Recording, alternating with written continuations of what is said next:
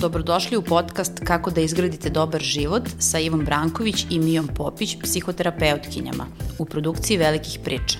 Ja sam Ana Mitić, novinarka i urednica u Velikim pričama i Nedeljniku.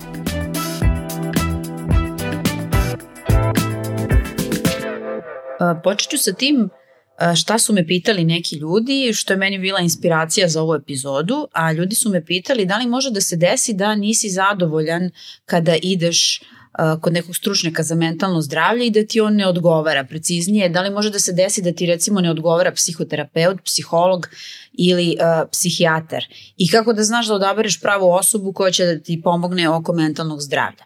E, zbog stigme oko odlaska na terapiju i prvog koraka da se potraže pomoć, e, mnogi ljudi odustaju u startu, jednostavno ne znaju kome da se obrate i kako da pronađu stručnjaka koji njima odgovara. Zato u ovoj epizodi razgovaramo o tome kako odabrati odgovarajućeg psihoterapeuta, psihologa ili psihijatra i kada je vreme da uh, promenite uh, stručnjaka za mentalno zdravlje ako mislite ili ocenite da uh, ne deluje terapija koju vam je uh, odredio.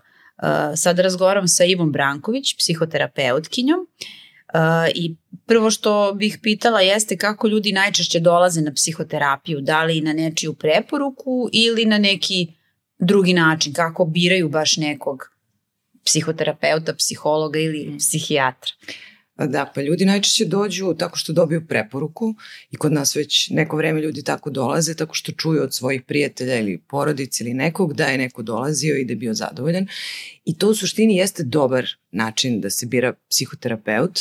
E sad dobro, psihijatar i to posle ćemo da objasnimo mm -hmm. malo te mhm. razlike kako zapravo biramo vrstu stručnjaka za mentalno zdravlje.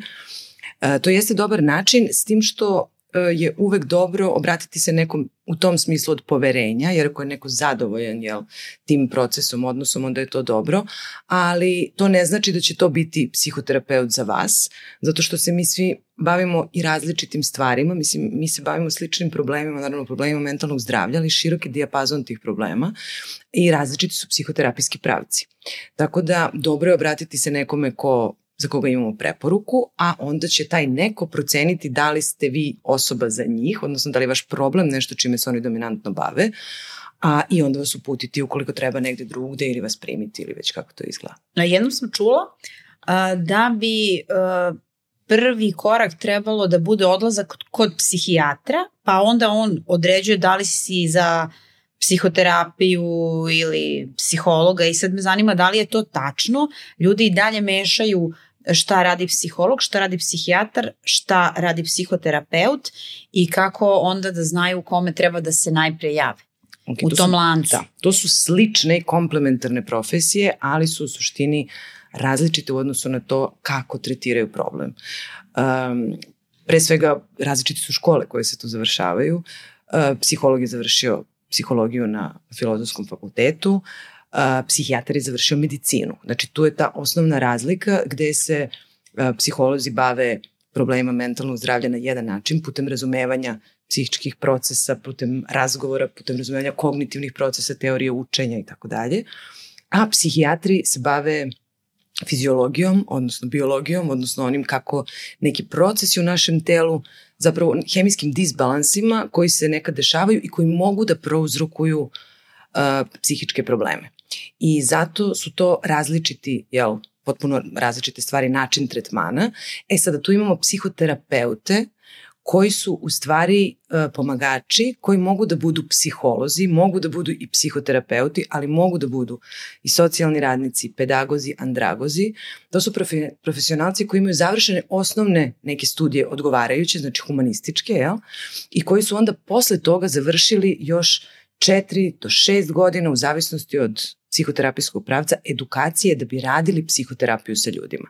Znači u tom smislu ići kod psihologa je ok, zato što svi, sve pomagačke profesije koje sam nabrojala imaju osnovne savetodavne veštine i oni sigurno mogu negde da vam pomognu i da vas upute gde da krenete. Ali ukoliko želite na psihoterapiju, onda idete kod psihoterapeuta koji pored osnovnog obrazovanja ovog koje sam rekla, ima još 4 do 6 godina edukacije, a ta edukacija podrazumeva, pored teorije iz nekog psihoterapijskog pravca, oni su različiti, a kad to kažem, to su različiti pravci koji iz različitih perspektiva objašnjavaju problem, pa su ljudi vjerojatno čuli za psihoanalizu, kognitivno-behavioralno, sistemsku, gestalt, psihodramu, znači ima ih puno.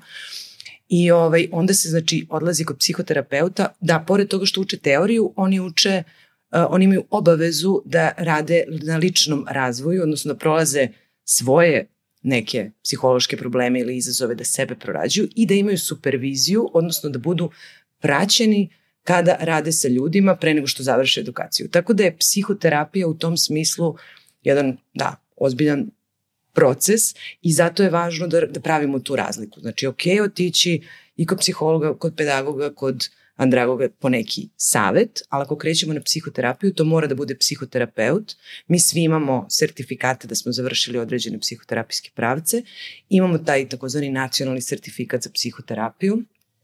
Psihoterapija nije još uvek savršeno uređena u našem društvu, mm -hmm. ali ide ka tome da bude standardizovana, tako da ok, ako kreć, krećete kod nekog da se raspitate e, šta je, odnosno šta je završio i koji, jel, koju, koju vrstu sertifikata za to ima. E, što se tiče onog što si rekla na početku, da li treba prvo ići kod psihijatra, svejedno je kod kog ćemo profesionalca prvo da odemo, zato što naša, mi imamo etičku obavezu da mm -hmm. procenimo kako je osoba i ukoliko procenimo da, da je osobi potrebna pomoć koja podrazumeva i lekove pored toga, pored terapije razgovorom, jer što psihoterapija jeste, onda mi upućujemo jel, na psihijatre, tako da ne mora da bude taj redosled, nije sve za psihijatra, iako se u našoj kulturi puno piju lekovi i lako se piju lekovi, ima puno stvari koje možemo da, da razrešimo i da na njih utičemo tako što ćemo da ih pogledamo iz druge perspektive, da o njima malo promislimo, a ukoliko jel te neke tegobe ne mogu da, da, se, da se umanje na taj način i ako se patnja ne smanjuje, ukoliko i dalje teško, sad govorimo o depresiji, anksioznosti, naravno kad govorimo o zbiljnim psihijatrijskim problemima svakako, ali, ali je to, dakle, neki redosled ne postoji baš tačan, znači možemo da krenemo kod bilo kog profesionalca i dodatle da to bude prvi korak. Dakle, ne možemo mnogo ni da pogrešimo, ne. pogotovo pošto imaju tu etičku obavezu da, da upute Naravno. dalje osobu tamo gde bi bilo bolje da, da ide. A, vratit ću te sada na početak, na tu moju inspiraciju za ovu epizodu, a to je šta ako ti terapeut e, ne odgovara, jer ljude to zbunjuje, da li može da se desi da im psihoterapeut a, ne odgovara, jer znamo da je i psihoterapija jedan proces koji nije lagan. I onda je pitanje a, da li sam ja problem, koji već imam problem pa meni tu nešto smeta ili zaista može da se desi da mi psihoterapeut uh, nije negde uh, legao i št, kako to da znaš i šta onda radiš? Uh, pa to jeste mnogo važno. U stvari istraživanja kažu da je najvažnija stvar kako legnemo jedno drugom, odnosno mm -hmm. kako smo odnos napravili. Pa tek onda su važne metode i tehnike i treća stvar koja je važna koliko je osoba zapravo spremna da se menja. I zato je ok preispitivati taj odnos. Ima i toga što si rekla da psihoterapija prvo bude jako prijatna, zato što mi dođemo pa ispričamo, neko nas sluša. Svako ko krene na psihoterapiju ovaj, dopadne mu se, zato što je to jedan vrlo specifičan proces gde smo mi u fokusu, druga osoba nas sluša. Nemo nijedan takav odnos u životu mm -hmm. i mhm. ne može ni da se poredi sa prijateljskim ili bilo kojim drugim. Ali onda stvarno u psihoterapiji dođe jedan moment kada prolazi taj takozvani medeni mesec i mi moramo da počnemo da radimo na problemima i tad se lomi da li će da krene da se dešava promena ili ne. Tako da to nezadovoljstvo može da dođe tada, ali u suštini ne bi trebalo ukoliko je odnos dobro napravljen. Znači, ako smo nezadovoljni radom našeg psihoterapeuta, to bi značilo da se ne osjećamo dovoljno prijatno da kažemo neke stvari. To znači da nam postoje pitanja koje mi ne razumemo. To znači da uh, se fokusira na stvari koje mi ne smatramo da su ključne, onda to svakako treba da iskomuniciramo. Kolege su uglavnom edukovane i mogu to da podnesu. To je mnogo bolje iskomunicirati na početku, jer možda ni psihoterapeut mislim, nije svestan toga, možda i radi najbolje što ume i misli da ide u nekom dobrom pravcu. To je ono što, što bi valjalo da znamo da, da je to jedan proces koji je koji treba bude otvoren i treba da kažemo šta primećujemo, a ako i posle toga i dalje dobijamo jel, neki tretman, odnosno e, komentare koje nam ne prijaju ili bilo šta, onda jednostavno da, da iz toga izađemo i to je potpuno u redu. A kako je bilo prvi susret sa terapeutom? Da li je on stresan ili je neka vrsta olakšanja za on, tu osobu? On bude prvo naravno stresan zato što je ljudima strašno neprijatna ideja da idu kod stranca i potpuno nepoznate osobe mm -hmm. i da krenu priču o sebi.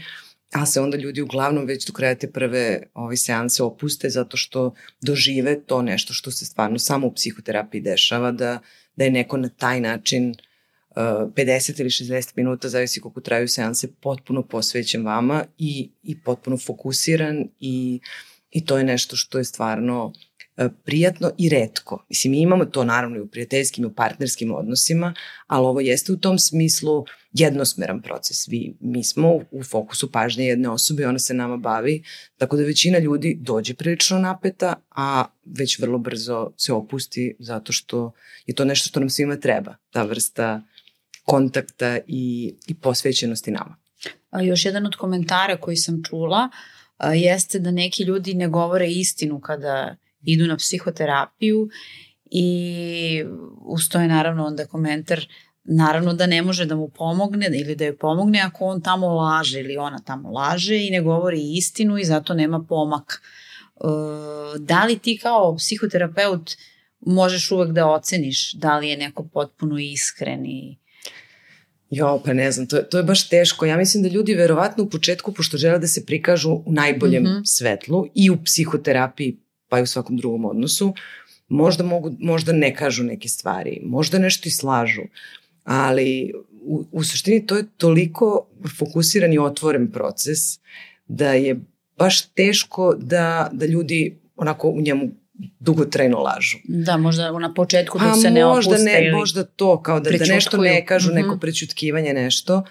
I svakako se ljudi različito otvaraju. Tako da neko kaže sve o sebi na prvoj seansi, neke najintimnije detalje koje možda ne bismo očekivali, ali većina ljudi zapravo krene polako, bojažljivo, uh, onako čeka da vidi da li može da veruje osobi sa druge strane, onda ima toga da, naravno, opet mi imamo etičku obavezu da sve to što se dešava u psihoterapiji mora da ostane jel, potpuno poverljivo, osim stvari koje saznamo, a koje podrazumevaju da bi osoba povredila sebe ili nekog drugog. Uh, Ali u svakom slučaju ljudi to moraju da testiraju, moraju i oni nas da, kao što mi procenjujemo ljude koji su došli na terapiju, tako i oni procenjuju nas i gledaju kad je trenutak da nam kažu nešto čega se stide i zbog čega im je neprijatno. Mislim, ja i, i laganje gledam iz jedne funkcionalne perspektive. Mm -hmm. Ljudi kada lažu, onda verovatno pretpostavljaju da će ih neko drugi odbaciti zbog toga, da, da će se psihoterapeut skandalizovati, da će se šokirati.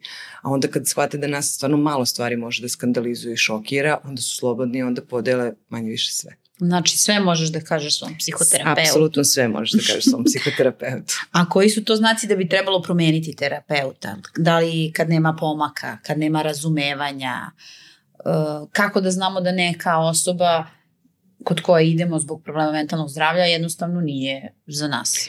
A u suštini kad se osjećamo neprijatno, jer to je, ona, mm -hmm. to je taj signal, e, opet kažem, ta neprijatnost može da dođe i zbog toga što e, što je došao trenutak da se nešto menja, ali to je ona neprijatna fina trema, odnosno neki, neki lagani otpor.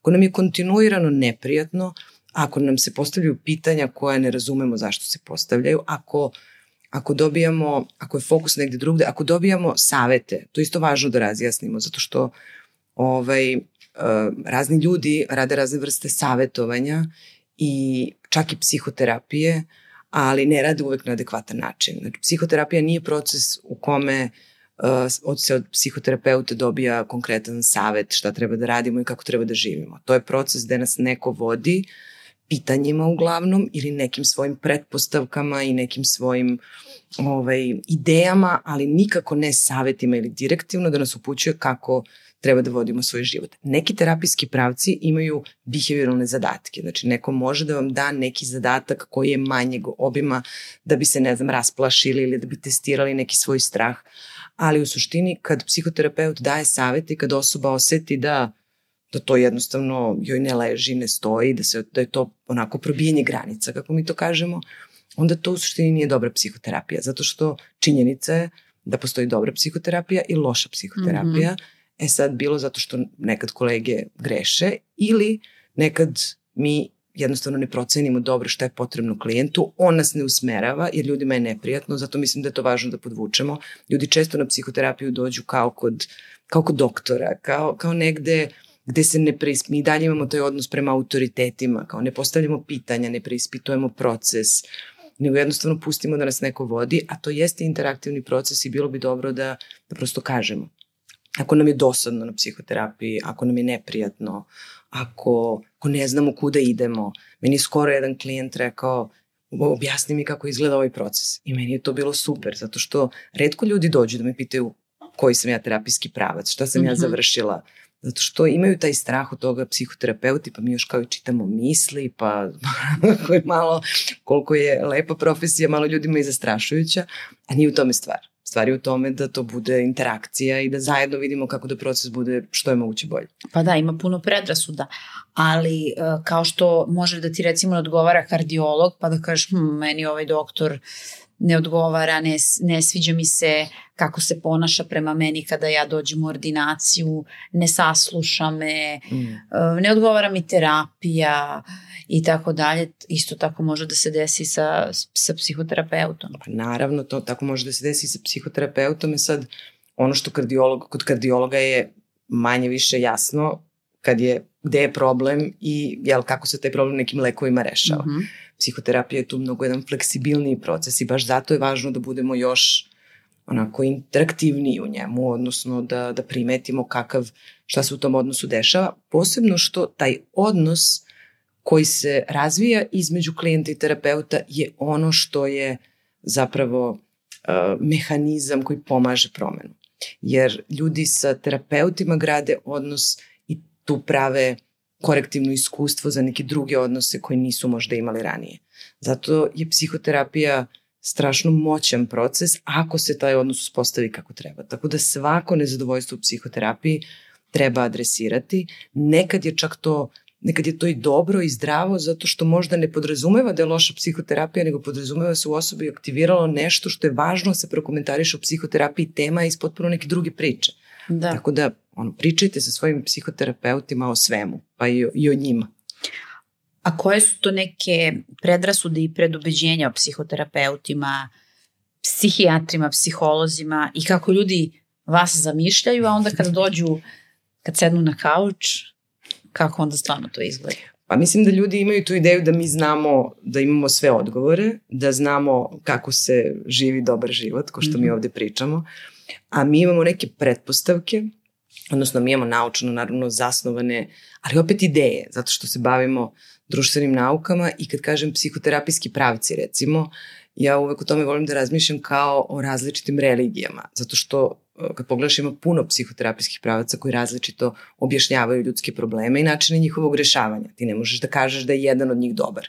Oni su u stvari samo različite perspektive gledanja na istu stvar, tako da mi u stvari imamo te neke ideje kako bi problemi mogli da se rešavaju i ono što je najveći benefit psihoterapije je da mi ponudimo ljudima drugačiju perspektivu, i da oni vide stvari ovaj, nekako malo drugačije pa da nađu sami rešenja. Znači to misle da, da imamo sva rešenja, misle da znamo da čitamo misli što isto ovaj, super zanimljivo ponekad, ali ne sa klijentima naravno, nego ovako. Ali vi imate životu. problemi sa ljudima koje susrećete to, to, pa to kažem, svi misle da ih analizirate. I da... Tako je, tako je. Pa mi kad razgovaramo sa ljudima, oni misle da ih mi analiziramo, a zapravo ne analiziramo. Mislim, činjenica da mi primećujemo neke stvari, ali svakako ne možemo da analiziramo svakog, posebno ne na osnovu tako malo broja podataka kako ljudi misle, kao da mi možemo na osnovu neverbalne komunikacije da. ili na osnovu par rečenica da stavimo ljude u kategorije. To se stvarno ne radi.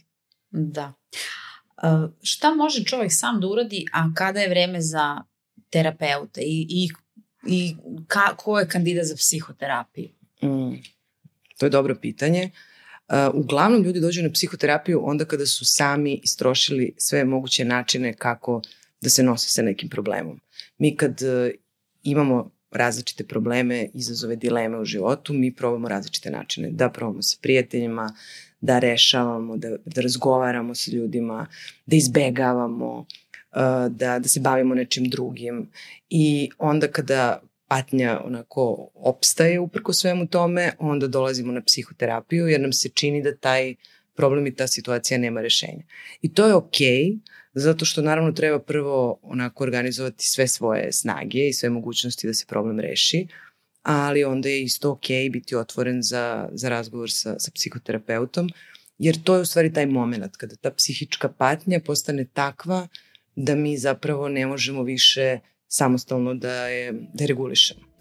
I onda ona počne da, onda utiče naravno i na naše funkcionisanje, i na naše navike, na naše ponašanje, počne da nam kvari odnose i onda se obraćamo profesionalcu. Hvala ti puno Iva. Hvala tebi.